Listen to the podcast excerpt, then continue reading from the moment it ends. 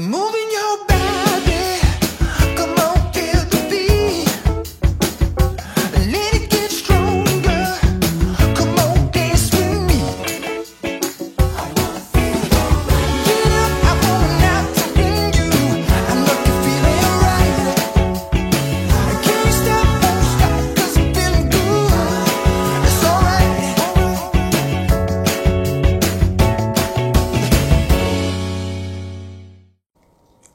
Dzień dobry, Katarzyna Urbańska. Witam w kolejnym odcinku programu Okiem Byłej Frankowiczki. Dzisiaj moim gościem będzie mecenas Ja- Jarosław Kurpiejewski z kancelarii Kurpiejewski-Budzewski. To jest kancelaria, która e, specjalizuje się w sprawach frankowych. E, Postanowiłam zaprosić pana mecenasa, żebyśmy porozmawiali e, o kontekście frankowym w ogóle i o tym, jak rozumieć słowo konsument w zestawieniu z frankowiczem. Dzień dobry. Dzień dobry, dziękuję bardzo za zaproszenie do programu. To właśnie, zacznijmy od początku, dlatego że mm, e, Frankowicz to też konsument, konsument to Frankowicz, a często w takim popularnym e, odbiorze Frankowiczów traktuje się jako osobną kategorię e, w ogóle może nie ludzi, ale jakąś grupę społeczną, która jest zupełnie inaczej traktowana przez społeczeństwo niż konsumenci. E, dlatego może powiedzmy naszym widzom, powiedzmy wszystkim e, słuchającym nas, dlaczego Frankowicz to też konsument i dlaczego dotykają konsumentów Frankowiczów te same przepisy prawa. Dobrze, więc przyjęło się u nas takie określenie oczywiście frankowicze. Frankowicze, mm, ja określiłbym to jako oczywiście taką zbiór społeczny osób, które posiadają kredyty wyrażone w franku szwajcarskim. I tutaj em, Frankowicz może być konsumentem i niekoniecznie musi być konsumentem, dlatego że jeżeli mamy jako frankowiczów całość osób, która ma, posiada kredyty frankowe, to są to również osoby, które brały te kredyty frankowe na cele, które nie są związane z, z ich działaniami pro, czysto konsumenckimi. Więc zdarzają się sytuacje, w której osoby, które mm, e, podpisały kredyt wyrażony we franku szwajcarskim, nie są traktowane jako konsumenci. Jednak są to przypadki może nie skrajne, ale nieczęsto się zdarzają. Zazwyczaj w bardzo dużej e, większości były to osoby, które brały ten kredyt na cel czysto konsumencki, związany z ich e, zamieszkiwaniem, zakupieniem pierwszej na przykład nieruchomości. No właśnie, czy jeżeli dobrze to rozumiem, to mm, e, Frankowicz jest konsumentem w momencie, w którym brał kredyt frankowy na swoje prywatne cele, na swoje mieszkanie, które na przykład nie służyło do prowadzenia działalności gospodarczej. Dokładnie, dokładnie. Okej. Jest to osoba, która wzięła kredyt frankowy na cele związ- niezwiązane z prowadzeniem działalności gospodarczej, jeżeli w ogóle prowadziła taką działalność, Mhm. czyli na cele indywidualne, niegospodarcze.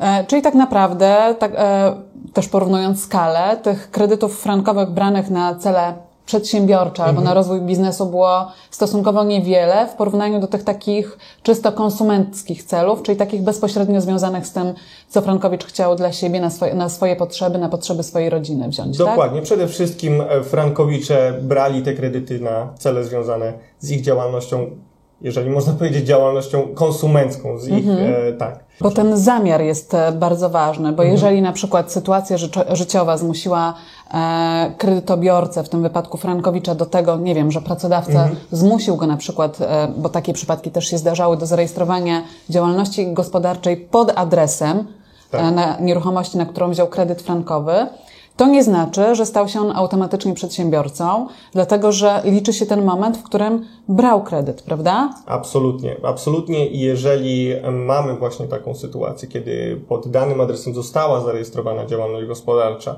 to też musimy tutaj sprawdzić wszelkie okoliczności z tym związane, czyli czy rzeczywiście tam działalność jest prowadzona, czy mm, są tam przyjmowani klienci, czy jest tam e, powiedzmy przechowywany e, towar, który jest później sprzedawany, czy są świadczone usługi, bo jeżeli jest to tylko zarejestrowanie działalności gospodarczej, no to ciężko tutaj mówić o tym, że ta działalność jest tam rzeczywiście wykonywana, więc to też jest kwestia do oceny sądu. Okej, no właśnie, ale dla e, zachowania porządku najważniejszy dla e, sądu i dla konsumentów frankowiczów je- jest moment zawarcia umowy jako konsument, tak? Dokładnie, zamiar jaki im przyświecał w momencie, kiedy podpisywali umowę o kredyt wyrażony we franku szwajcarskim.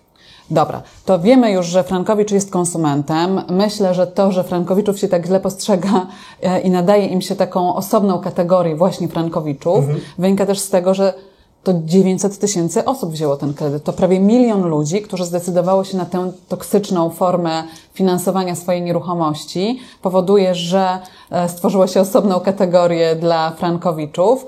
E, No właśnie, ale frankowiczom, konsumentom przysługuje taka sama ochrona prawna jak konsumentom po prostu, czyli tym, którzy idą do sklepu i kupują towar, a potem ten towar okazuje się niezgodny e, z tym, do czego został e, zakupiony, prawda? Dokładnie. Frankowicz jest również konsumentem. Oczywiście zaznaczamy tą kwestię, jeżeli nie brał kredytu na cele związane z działalnością gospodarczą, jest konsumentem.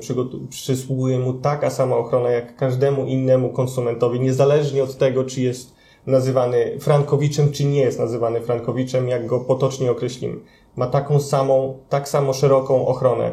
I jeżeli próbujemy Frankowiczów podkreślić inaczej, próbujemy im zarzucić inne cele, które im przyświecały przy braniu tego kredytu frankowego, no to zwróćmy uwagę na to, że jest to część narracji banku. Dlatego, że jeżeli bank No właśnie, to udowodni- bardzo ważne. jeżeli bank udowodni, że dany e, kredytobiorca wziął ten kredyt na cele związane z działalnością gospodarczą, to mamy całkowicie inny, mm, inny tak naprawdę mm, rozłożenie sił między jedną a drugą stroną, dlatego że wiele, mm, wiele elementów ochrony, które przysługiwały konsumentowi w momencie, kiedy, nie, kiedy udowodni bank, że nie jest konsumentem, tylko jest przedsiębiorcą, nie przysługują danej osobie.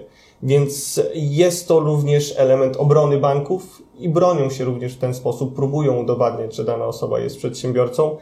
E, Mniej lub bardziej skutecznie, określę tutaj oczywiście mniej, tutaj banki szukają różnych rozwiązań, żeby się mm, bronić przy aktualnym orzecznictwie i Europejskiego Trybunału Sprawiedliwości i Polskiego Sądu Najwyższego, więc traktuję to mm, raczej nie jak powszechne, mm, e, powszechny jakiś element, który istnieje w sytuacji kredytobiorców frankowych, ale jako indywidualne kwestie, które tutaj są podnoszone przez banki w takich sytuacjach.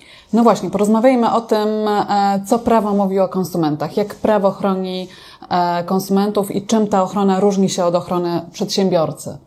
Więc zakładamy, polskie prawo tak naprawdę zakłada, że jeżeli dana osoba jest przedsiębiorcą, to jest profesjonalistą. Jeżeli jest profesjonalistą, to powinna y, tak naprawdę znać o wiele więcej kwestii prawnych y, związanych z daną działalnością gospodarczą. Więc jeżeli ktoś jest profesjonalistą, ma wyższy standard swojej działalności, standard wiedzy y, i staranności w wykonywaniu swojej, swojej działalności gospodarczej. No właśnie, bo tutaj e, to, co Pan podkreślił, jest o tyle istotne, że banki często w swojej retoryce używają też argumentu, mówiąc kolokwialnie, wiedziały gały, co brały, nieznajomość prawa szkodzi. No chyba trochę nie tak, bo faktycznie, tak jak Pan mówi, e, po stronie przedsiębiorcy leży właśnie ta informacja profesjonalna. Oni mają większą możliwość i większy dostęp do tej wiedzy, do której Frankowicz nie miał dostępu. Nazwałbym to trochę inaczej. Oni mają większe obowiązki, aby dowiedzieć się tego, czego konsument niekoniecznie musi wiedzieć w swojej działalności i przedsiębiorca ma większe ryzyko. Ponosi z góry większe ryzyko przy wykonywaniu swojej działalności. Takiego ryzyka na konsumenta nałożyć nie można, a banki w swojej retoryce próbują właśnie przerzucić takie ryzyko na, na konsumentów, którzy są pod tym parasolem ochronnym wszelkich przepisów prokonsumenckich, może nie prokonsumenckich, ochrony konsumenta, tak i polskich, jak i europejskich. I nie można ich tak naprawdę spod tego parasola wyjmować, zarzucając im konieczność dostosowania się do standardów, które nie są przypisane im, a przedsiębiorcom. No właśnie, e, bo o tej ochronie konsumentów bardzo szeroko mówi e, dyrektywa, dyrektywa e, unijna 9313, w oparciu o którą już Trybunał Sprawiedliwości Unii Europejskiej wielokrotnie się wypowiadał, mówiąc e, w kontekście e, Frankowiczów, że należy ich traktować jako konsumentów. Co dokładnie ta dyrektywa e, oznacza też dla polskich Frankowiczów? Że muszą być chronieni?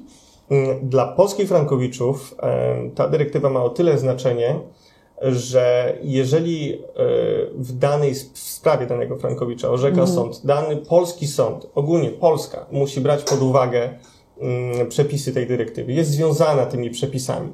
Więc tak i w polskim prawodawstwie, jak i w polskim orzecznictwie te przepisy muszą znaleźć odpowiednie odzwierciedlenie. Więc e, polskie orzecznictwo, jak i polskie prawodawstwo nie może zapewnić konsumentowi mniejszej ochrony niż przyznana przez tą właśnie dyrektywę. I to jest istotne, że nie możemy we w swoich przepisach odstąpić, zmienić tego standardu. Możemy go podnieść, ale nie możemy go obniżyć. Czyli tak naprawdę każdy polski sąd, e, mając już wiedzę i znając e, mm, opinię Trybunału Sprawiedliwości Unii Europejskiej, powinien stosować przepisy unijne e, we wszystkich sprawach frankowych tak, żeby ta ochrona konsumencka była jak najszersza. Dokładnie. Powinien je implementować tak i do prawodawstwa, jak i do orzecznictwa. Mówi się też o tym e, i o tym też wspomina dyrektywa. Oczywiście tutaj zdania e, prawników w- zależności od tego, którą stronę reprezentują, są podzielone. Mówi się o te, takim charakterze sanacyjnym, czyli tak naprawdę konsekwencje naruszenia tych standardów konsumenckich powinny być tak bolesne dla przedsiębiorcy, który postanowił zachwiać się e, tym standardem, powinny być na tyle bolesne, żeby poniósł on wymierne, wymierne korzyści, narażając konsumenta na takie ryzyko. E, W mojej ocenie jest to tak naprawdę clue tej ochrony, którą ta dyrektywa powinna zapewniać. Dlatego, że e, wyobraźmy sobie sytuację, w której wchodzimy w spór z bankiem i jedyne, co możemy uzyskać, to tak naprawdę kompensację tego, kompensację swojej szkody. E, Wówczas nie ma żadnego, żadnego tak naprawdę skutku odstraszającego. Tak, czyli można po raz kolejny wprowadzić ponowny mechani- ponownie podobny mechanizm e, i dalej próbować szukać e, tak dużej grupy społecznej jak Frankowicze, żeby zarobić. Otóż to, więc musi być ten skutek sanacyjny. Musi być ten skutek, który mm, ta dolegliwość, która doprowadzi do tego, że ani bank, ani żadna inna instytucja finansowa nie będzie próbowała korzystać z takich przepisów, z takich rozwiązań, które będą biły w dobro, jak i ochronę konsumenta. Będą nieuczciwe, będą, e, będą niezgodne z wytycznymi tak europejskimi, jak i polskimi. No właśnie, bo przypomnijmy, że to wciąż tak naprawdę niewielka grupa frankowiczów zdecydowała się e, dochodzić swoich praw w sądach, a banki cały czas korzystają z tych zasobów, które dostarczają im frankowicze, którzy wciąż nie zdecydowali się na pozew, więc tak naprawdę te skutki sanacyjne wciąż są promilem są, są promilem i czekamy tak naprawdę na rozwiązanie tej kwestii. Jak na razie te sprawy, mm, powiedzmy, przedłużają się mniej lub bardziej. Ym, Wiemy, że w Sądzie Okręgowym w Warszawie został otwarty osobny oddział, wydział w Sądzie Okręgowym, który zajmuje się orzekaniem w sprawach frankowych. Ten wydział działa bardzo sprawnie i y, bardzo szybko i ugruntowuje dalej to orzecznictwo. Więc y, mm, ten skutek, mamy nadzieję, nastąpi. I jak nastąpi ten skutek, to ta dolegliwość, która, która zostanie nałożona na banki, będzie takiego stopnia, który, który pozwoli na to, abyśmy byli pewni, że w przyszłości taka sytuacja już więcej nie będzie miała miejsca. Czy idąc dalej, przewiduje Pan krach systemu bankowego, załamanie się systemu finansowego, e, czym straszą banki frankowiczów, e, właściwie nawet nie frankowiczów, tylko całe społeczeństwo, że ich pozwy em, spowodują zachwianie stabilności systemu finansowego w Polsce? Absolutnie nie. Absolutnie nie. I em, prowadziłem również w tej kwestii wiele dyskusji z osobami z sektora bankowego. Porównywaliśmy wyliczenia tutaj dokonywane przez e, Urząd Ochrony Kon- Konkurencji i Konsumentów, Rzecznika Finansowego i również te projekcje dokonywane przez banki. Zresztą e, dochody banków, przychody banków są, e, są znane, są, jest to informacja jawna i każdy z nas może sobie sprawdzić, m, jakiego rzędu dochody banki generują każdego roku. Biorąc pod uwagę właśnie te dochody, jak i kapitały em, zapasowe, rezerwy, które są tworzone na między innymi takie sytuacje, przewidywania banku o potencjalnym krachu na rynku finansowym są niczym innym jak próbą raz odwleczenia w czasie mm, rozwiązywania tych sporów frankowych, a dwa zmniejszenia liczby wygranych spraw, które są bardzo. e, Tak, ja sobie statystyki pozwolę- są bardzo niekorzystne dla banku. No właśnie, ja sobie pozwolę tutaj dosadniej powiedzieć, to jest po prostu propaganda. Propaganda, która ma na celu odstraszenie wszystkich frankowiczów, e, też trochę spolaryzowanie, skonfliktowanie ze sobą e, społeczeństwa, pokazania frankowiczów jako cwaniaków, którzy chcą po prostu za darmo nagle dostać mieszkania e, albo w prezencie, jak kto woli.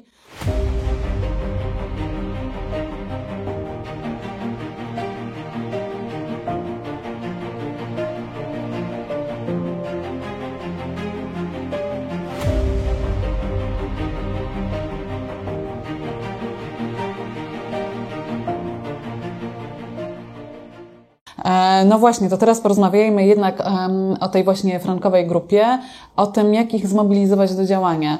E, Są em, dwa obozy. Jedni mówią, żeby pozywać zbiorowo, drudzy mówią, żeby pozywać indywidualnie. E, Co pan jako mecenas radzi frankowiczom? Indywidualny pozew czy zbiorowy? Więc ja doradzam pozew indywidualny. I teraz e, powiem dlaczego. Jak wiemy, w tym roku wydane zostały dwa wyroki Sądu Najwyższego. Mm, Cały czas interpretacja tych wyroków jest tutaj rozbieżna, w zależności od tego, czy interpretują go banki, te wyroki, czy interpretują banki, czy interpretują pełnomocnicy broniący kredyt, kredytobiorców frankowych.